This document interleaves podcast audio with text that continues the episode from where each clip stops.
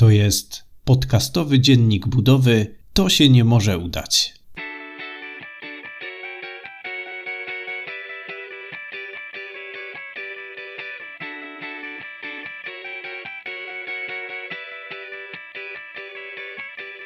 Cześć, witam cię serdecznie.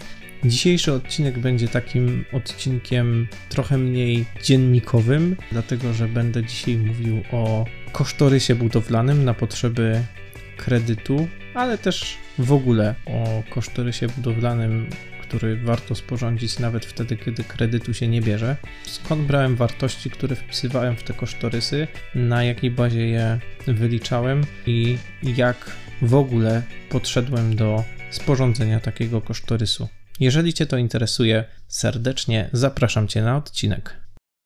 Kosztorys budowlany. Wiele e, osób mówi, że jest to rzecz zbędna e, i jest to papierkowa robota dla banku. Ja się z tym e, radykalnie nie zgadzam, dlatego że uważam, że przed każdym większym projektem, przedsięwzięciem należy pracę ocenić, oszacować, wyestymować pod kątem czasowym, ale też i oczywiście kosztowym. No bo przecież trzeba mieć na, trzeba wiedzieć, czy w ogóle stać mnie na taką inwestycję, jeżeli tutaj można budowę domu nazwać inwestycją.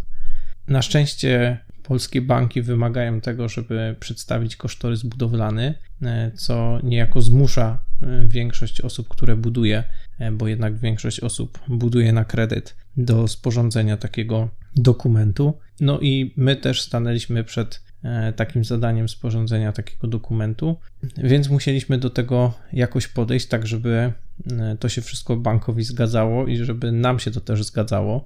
E, I szczerze mówiąc, starałem się do tego podejść tak, jakbym ten kosztory zrobił dla siebie, a nie dla banku, żeby też podejść do sprawy uczciwie i wiedzieć, czy w ogóle chciałbym taką kwotę wydać na budowę mojego domu dla mojej rodziny. Każdy bank ma swój formularz kosztorysowy i te formularze różnią się od siebie bardzo.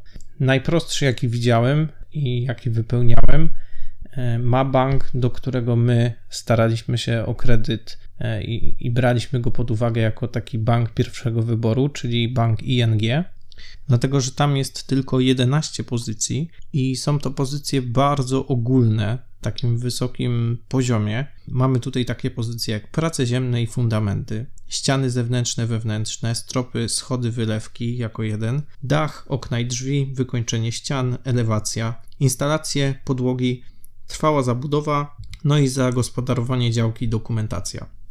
Więc są to dosyć szerokie kategorie, do których potem wpadają e, różne rzeczy. I do wypełnienia jest to dosyć prosty dokument, e, natomiast e, moje doświadczenie przy wypełnianiu było takie, że jeżeli chce się podejść do tego uczciwie, to ten formularz nie daje mniejszą taką możliwość, dlatego że nie pomyślimy o wszystkich rzeczach, bo patrząc na przykład na kategorię dach, no to tutaj nie ma takiego rozbicia, e, wiadomo, na, na zbudowanie więźmy, na rynny, na odprowadzenie wody z rynien. To jest parę rzeczy, które się składa na, takie, na taki dach, no i tutaj jakby nie ma tego wyszczególnione, więc nie o wszystkim się pomyśli. Jeżeli popatrzymy na przykład na elewację, mm, przepraszam, na instalację, mm, no to tu człowiek pewnie pomyśli e, o tym, co jest w środku domu, E,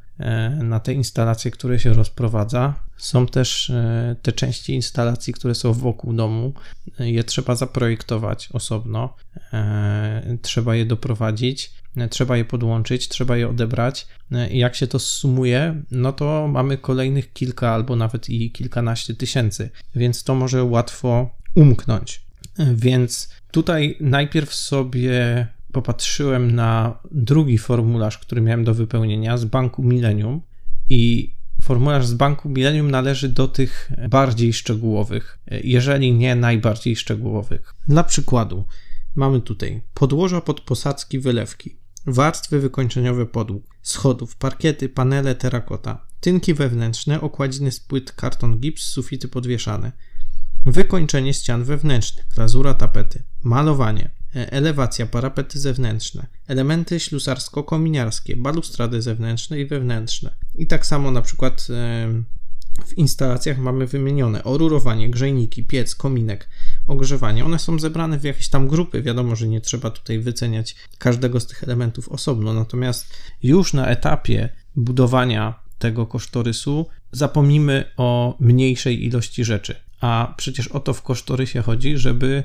ująć tych rzeczy jak najwięcej. I faktycznie najpierw, kiedy usiadłem do tego kosztorysu z ING, zrobiłem go sobie tak na brudno, trochę na szybko dla porównania i potem usiadłem do kosztorysu Millennium. Jak go zrobiłem tak na poważnie, nie robiąc żadnych podliczeń i nie celując w konkretną kwotę, no to wyszła mi kwota dużo większa niż w formularzu ING. E, tyle, że w formularzu ING robiłem to w ten sposób, że celowałem w tą kwotę kredytu, którą faktycznie chcemy wziąć a w formularzu Millennium tam się to automatycznie nie zlicza, więc po prostu wpisywałem tak, jak to szło e, i te kwoty wyszły dużo większe. I one faktycznie były zbliżone do tego, e, co sobie wcześniej liczyłem, jakby samemu robiąc kosztorys. Jeszcze nie pod e, kredyt, tylko po prostu mm, jeszcze zanim w ogóle o kredyt zacząłem się starać, żeby wiedzieć w ogóle, jaką kwotę kredytu będziemy potrzebować. To właśnie ten bardziej szczegółowy kosztorys daje dużo większy ogląd i nie pozwala o dużo większej ilości rzeczy zapomnieć. Więc e, jeżeli ktoś będzie się zabierał za wypełnienie e, dla banków tych formularzy kosztorysowych, to polecam zacząć od tego kosztorysu, który ma tych punktów najwięcej.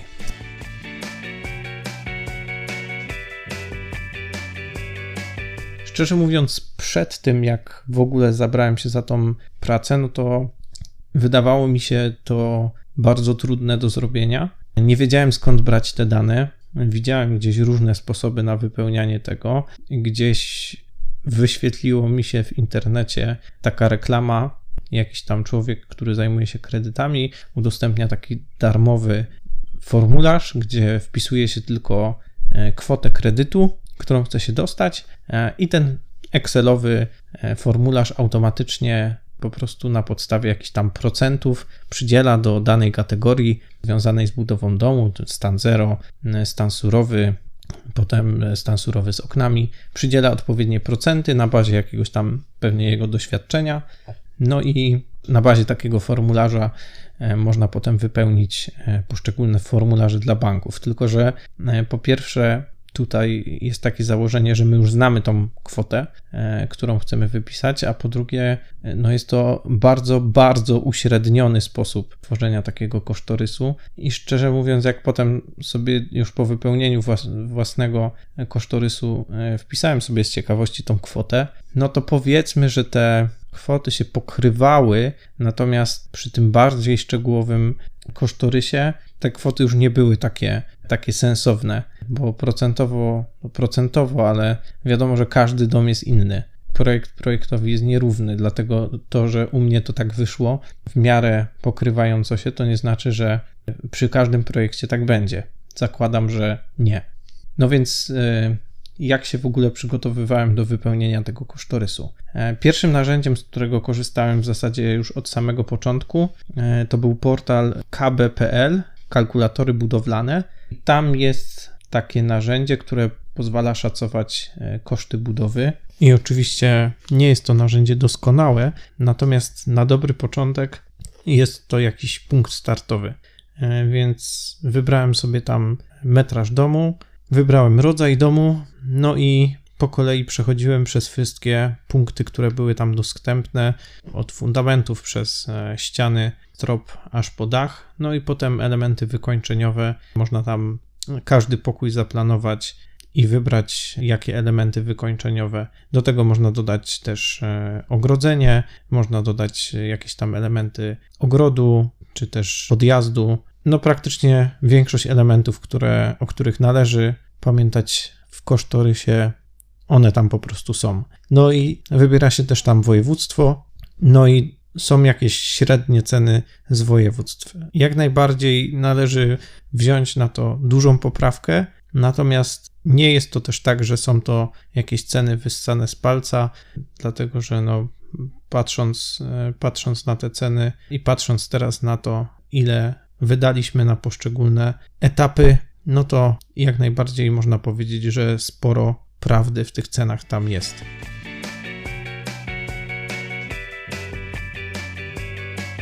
Kolejnym etapem zbierania informacji do sporządzenia kosztorysu było wysyłanie zapytań. I tutaj, jakby pierwszym, tym najważniejszym źródłem informacji były wyceny, które otrzymaliśmy za stan surowy otwarty w momencie, kiedy szukaliśmy ekipy budowlanej. No i tutaj mieliśmy kilka, nie wiem, 6 do 8, myślę, że może nawet 10 wycen. I były to różne wyceny. Niektóre były to wyceny tylko samej robocizny, ale najbardziej przydatne do nas to były te wyceny e, robocizny razem z e, materiałami, czyli taka kompleksowa usługa budowy stanu e, surowego otwartego. I takie wyceny jak najbardziej przydają się do sporządzania kosztorysu. Więc tutaj mieliśmy też jakiś zakres tych cen, ile minimalnie, ile maksymalnie musielibyśmy wydać. Potem kolejne etapy, to tutaj korzystałem z serwisu Oferteo e, i wysyłałem po prostu po kolei e, zapytanie na zrobienie tynków, e, zapytanie na zrobienie posadzek, na zrobienie jakichś tam projektów. I tak powoli zbierałem sobie te zapytania etapami. Wiadomo, to były te większe prace, instalacje, bo to jest ogromna część e, budżetu budowlanego, więc tutaj też wysyłaliśmy na instalacje elektryczne, instalacje, wiadomo, hydrauliczne. Zrobiłem też e, kilka, chyba nawet naście wycen, jeżeli chodzi o okna, bramę e, i drzwi. Robiłem też wyceny na wentylację mechaniczną i to chyba wszystko. Potem zebrałem te wszystkie oferty. Oczywiście też patrzyłem, jak to wygląda w innych kosztorysach i kiedy usiadłem do sporządzania tego ostatecznego kosztorysu, to po prostu tak jak były te pozycje wymienione w tym kosztorysie bardziej szczegółowym, to tak brałem po prostu najwyższe wyceny, jakie były. Czyli przykładowo rozpoczynając od stanu surowego otwartego, wziąłem, otworzyłem sobie najwyższy kosztorys, jaki dostałem za e, zrobienie SSO z materiałami i miałem akurat w tym kosztorysie najwyższym miałem wyszczególnione za poszczególne mm, etapy kwoty, więc po prostu brałem te kwoty, zaokrąglałem jeszcze w górę do pełnych kwot i to właśnie wpisywałem do kosztorysu. Założenie ma być takie, że kosztorys ma mnie chronić i ma być, ma mi wyznaczać takie pułapy, których absolutnie nie mogę przekroczyć, że jeżeli gdzieś tam mi wychodzi, że wyszłoby mnie coś poza ten kosztorys, to znaczy, że to jest absolutnie niemożliwe i trzeba szukać po prostu tańszej opcji. Więc e, tak przeszedłem e, te, te pierwsze etapy tego kosztorysu, wpisując po prostu kwoty z najwyższej wyceny SSO. E, potem okna, wiadomo, też wziąłem najwyższą wycenę, plus jeszcze trochę dołożyłem, no bo wiadomo, że możemy sobie jakieś okno jeszcze dołożyć na etapie budowy możemy gdzieś tam stwierdzić, że jednak okna chcemy mieć e, lepsze albo albo coś możemy w nich udziwnić, a to podniesie koszty. Być może coś nas zmusi do tego, żeby te okna były droższe. Tego nigdy nie wiemy i już teraz e, wiem, jakby w trakcie budowy, że tych zmian jednak jest dość sporo, więc to na pewno Trzeba sobie taki margines założyć. No i wiadomo, okna to nie same okna, bo to są jeszcze rolety, a w naszym przypadku okiennice i jedna roleta to jest też e, brama e, i drzwi, więc e, to też trzeba wziąć pod uwagę. No i te najwyższe kwoty z najwyższych wycen właśnie tam wpisaliśmy. Kolejnym dalszym etapem to były właśnie te roboty wykończeniowe, no i tutaj ta sama strategia bierzemy po prostu najwyższe wyceny, wpisujemy, a tam, gdzie wyceny nam się nie udało zrobić, to po prostu e, szybki przegląd internetu, jakie są ceny za metr kwadratowy, przeliczenie, dodanie dużego zapasu i wpisujemy taką kwotę. No i gdzieś tam cały czas też w tle miałem otwarty ten, ten kosztorys zrobiony w e, kalkulatorze budowlanym e, i powiem szczerze, że te kwoty że te kwoty się pokrywały. To znaczy, że nigdzie nie było tak, że, te, że był jakiś bardzo duży rozjazd między tymi kwotami, a na pewno nie było go w dół, czyli zawsze e, tam, gdzie ja wpisywałem jakąś kwotę, no to ona była ponad to, co w tym kalkulatorze mi wyszło. E, więc szliśmy, szliśmy tym tropem, żeby sobie e, po prostu e, policzyć, ile w najgorszym scenariuszu byśmy zapłacili, bo tak najlepiej założyć. A jeżeli wyjdzie gdzieś mniej, no to trudno. Ktoś powie, że no ale jeżeli zakładamy sobie takie kwoty, to jest łatwe potem, żeby się nie pilnować i nie oszczędzać, no bo przecież jeszcze mamy pieniądze w kosztorysie. Dla nas nie jest to problem, dlatego że z natury dość dobrze gospodarujemy budżetem domowym i jesteśmy raczej osobami oszczędnymi, a ja to w ogóle jestem totalnym sknerą, więc nie widzę takiego zagrożenia. Natomiast u kogoś faktycznie może tak być.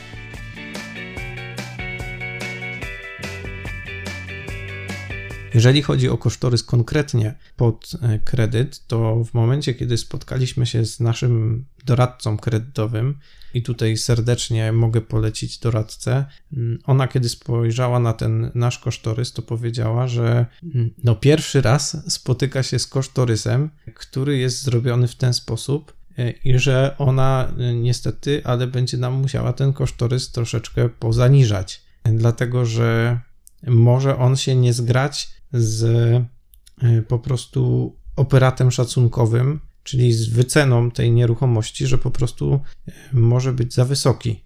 No i wtedy bank będzie robił problemy. Są minima, które wyznacza bank, jaki musi być minimalny koszt budowy e, domu jak, jakiegoś tam metrażu, po prostu są koszty minimalne za metr kwadratowy. Natomiast nie spodziewałem się, że są też jakieś kwoty maksymalne. E, no i te kwoty maksymalne uzależnione są od e, wyceny, jaką kona rzeczoznawca naszej nieruchomości, a jest ona robiona na podstawie cen transakcyjnych nieruchomości w okolicy, w której się buduje. Więc to jest ta góra, którą można osiągnąć. E, no i oczywiście górą jest też maksymalna kwota kredytu, którą można otrzymać troszeczkę musieliśmy pozaniżać pewne elementy w tym kosztorysie i dojść do takich kwot, które będą akceptowalne. Trzeba też pamiętać, że do całości inwestycji liczonej przez bank wchodzi również wartość działki.